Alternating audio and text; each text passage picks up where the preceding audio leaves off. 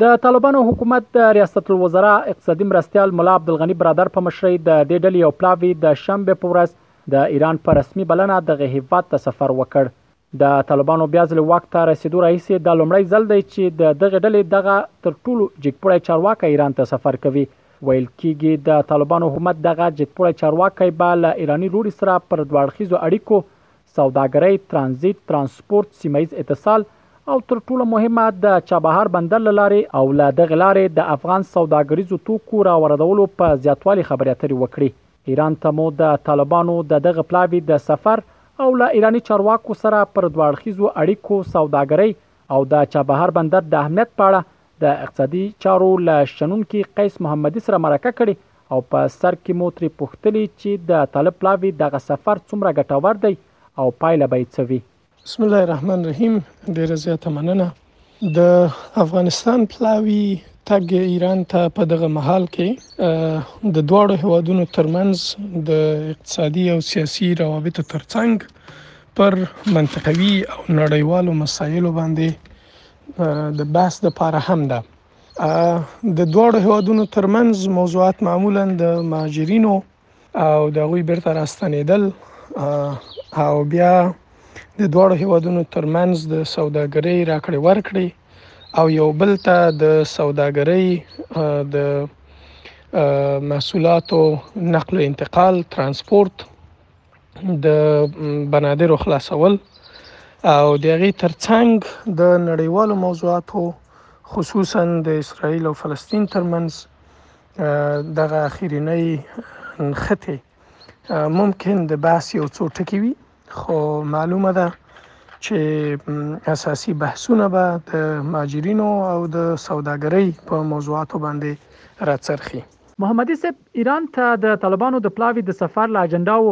یوه هغه یې له ایراني لوري سره د چابهار بندر په اړه خبرې اترې دي تر څو له دې لارې د افغان سوداګریزو توکو واردات تر سره شي. څه فکر کوئ د چابهار بندر له اقتصادي اړخه افغانستان ته څومره اهمیت لري؟ د چابهار بندر نه تنها د افغانستان او ایران لپاره بلکې د ټولې منطقې لپاره یو ډیره مهمه پروژه او یو ډیر مهم بندر دی دلیل یې دا دی چې دغه بندر د افغانستان سرحد ته ډیر زیات نږدې دی په ایران کې بندر عباس د افغانستان د سرحداتو نه لرې دی او په هغې لاره باندې اجناس راوړل افغانانو ته مشکل دي او بندر عباس د ګوادر او کراچۍ بندرونو لپاره ښه بدیل نشي ګرځیدلی نو چابهار یو نږدې بدیل دی د هغې ترڅنګ چابهار د ګوادر بندر سره ډیر نږدې دی او دا باعث د دې کیږي چې د افغانستان حکومت او تجاره ټولنۍ د دې دواړو نه ګوادر او چابهار ترمنځ په یوه باندې تکیه وکړي او د چابهار بندر به باعث د دې شي چې زمونږ تجارتي لارې به د یوه هیواد تر تاثیر لاندې نه وي په دې معنی چې کله هم په اقتصادي اصولو کې چې ستاسو اقتصادي شریانونه د یوه هېواد تر لاس لاندې یي نو د هغې هېواد د پالیسیانو لاندې او د هغې هېواد تر تاثیر لاندې یئ ځکه مهمه ده چې دغسې هېوادونه دې خپل اقتصادي شریانونه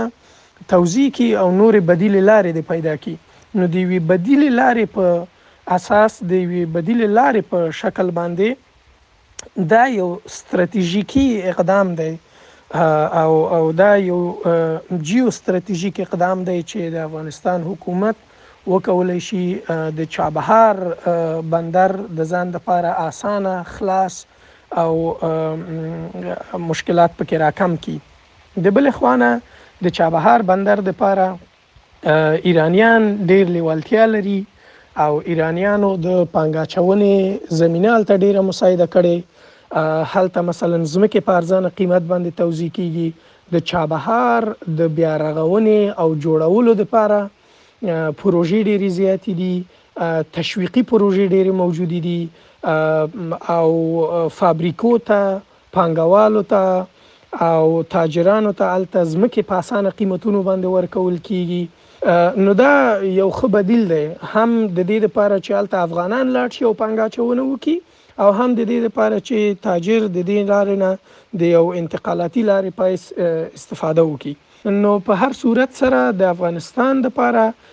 مهمه ده چې په دغه بندر باندې پانګه اچونه وشي او د دې نه ښه استفاده وشي. ایا ایران به له افغانستان سره پر دغې لارې د افغان سوداګریزو توکو په راوردولو موافقه وکړي؟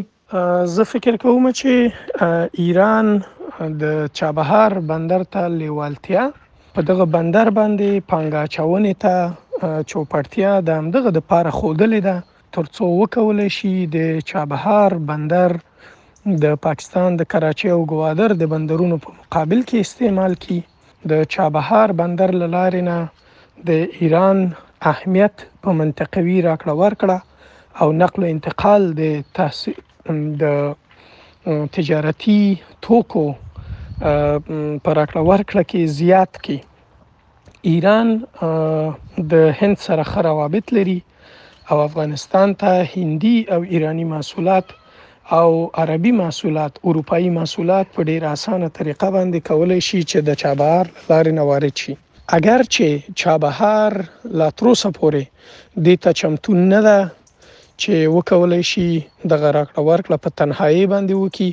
او د ګوادر لارې ته جدي ضرورت دی ولې حد اقل کولای شي چې د پاکستان لپاره دا یو رقابتي حالت غوره کړي او باعث د دې شي چې پاکستان په خپلو پالیسیو کې د افغانستان سره نرمښت رامنځته کړي دا ځکه چې هغه اجناس چې افغانستان ته او منطقې ته صادرات واردات کیږي دا په یو محدوده کچه دي او په آینده کې کېدای شي چې زیات شي دا چې د دغه څومره کچه پاکستان ځان ته را جذبولای شي او ایران ځان ته را جذبولای شي دې پورې اړه لري چې پاکستان د افغانستان سره څه ډول او د منطقې سره څه ډول اقتصادي او تجارتي برخورد کوي آیا نړیوالو قوانینو قواعدو ته اعتنا کوي کني کوي آیا سیاسي دلایل د لپاره اقتصادي اهداف استعمالي کني استعمالي او آیا د افغانستان د حکومت سره د سره کوم روابط غواړي محمد سپ د چابهار بندر لار د افغانستان لپاره څومره ښه بدیل کېدای شي نسبت د پاکستان د کراچۍ بندر ته. پاکستان په دوه بنادرو باندې ډېر کار کړی دی،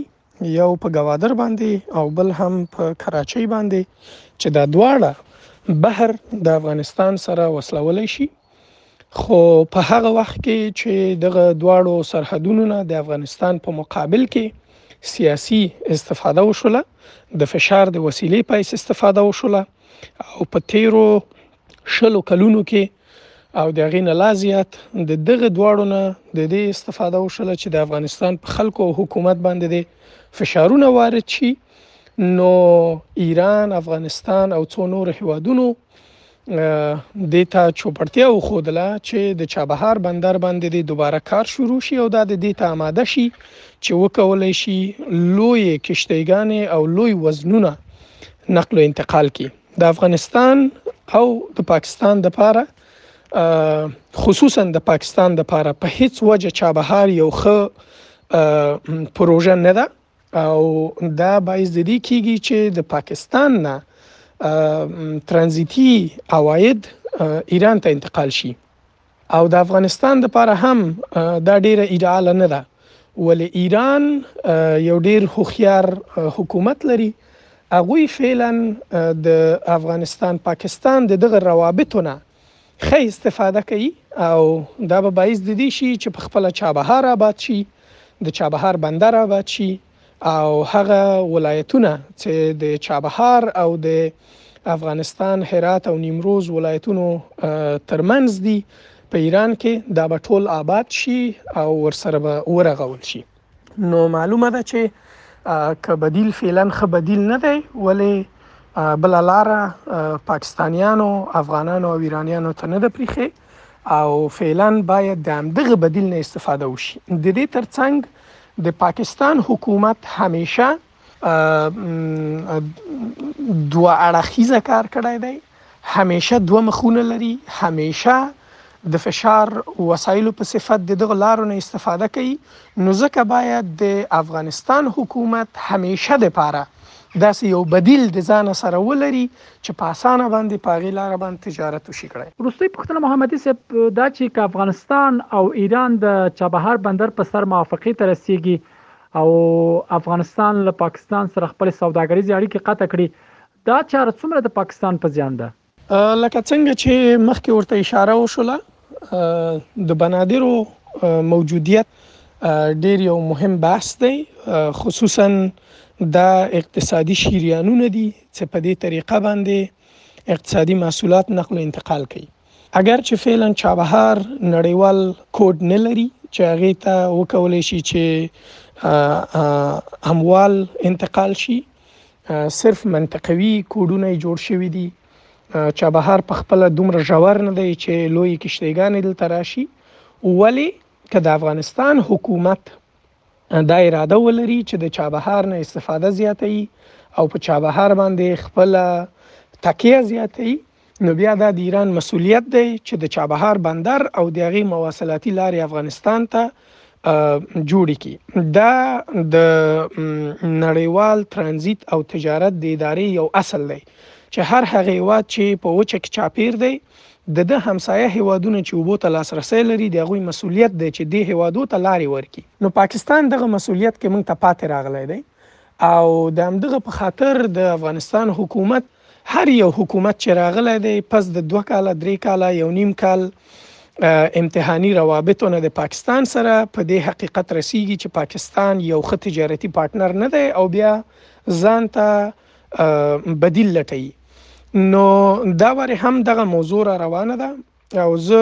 احساس د دې کوم چې باید د افغانستان حکومت پوي شي چې نور دغه امتحانول پاکستان باندې باعث د دې کیږي چې موږ ایران ته یو خام پارټنر معرفي شو باید د ایران سره یو طویل المده ته دیرش کلن 50 کلن قوي قرارداد شي ترڅو ایران په ډاډه زړه باندې په چابهار باندې پانګاچونه وکړي او افغانستان په ډاډه زړه باندې بدون د اتکا په پاکستان د غلار باندې اجناس وارد کی او د ته دایمي پلانونه جوړ کی ځکه چې تاجر هم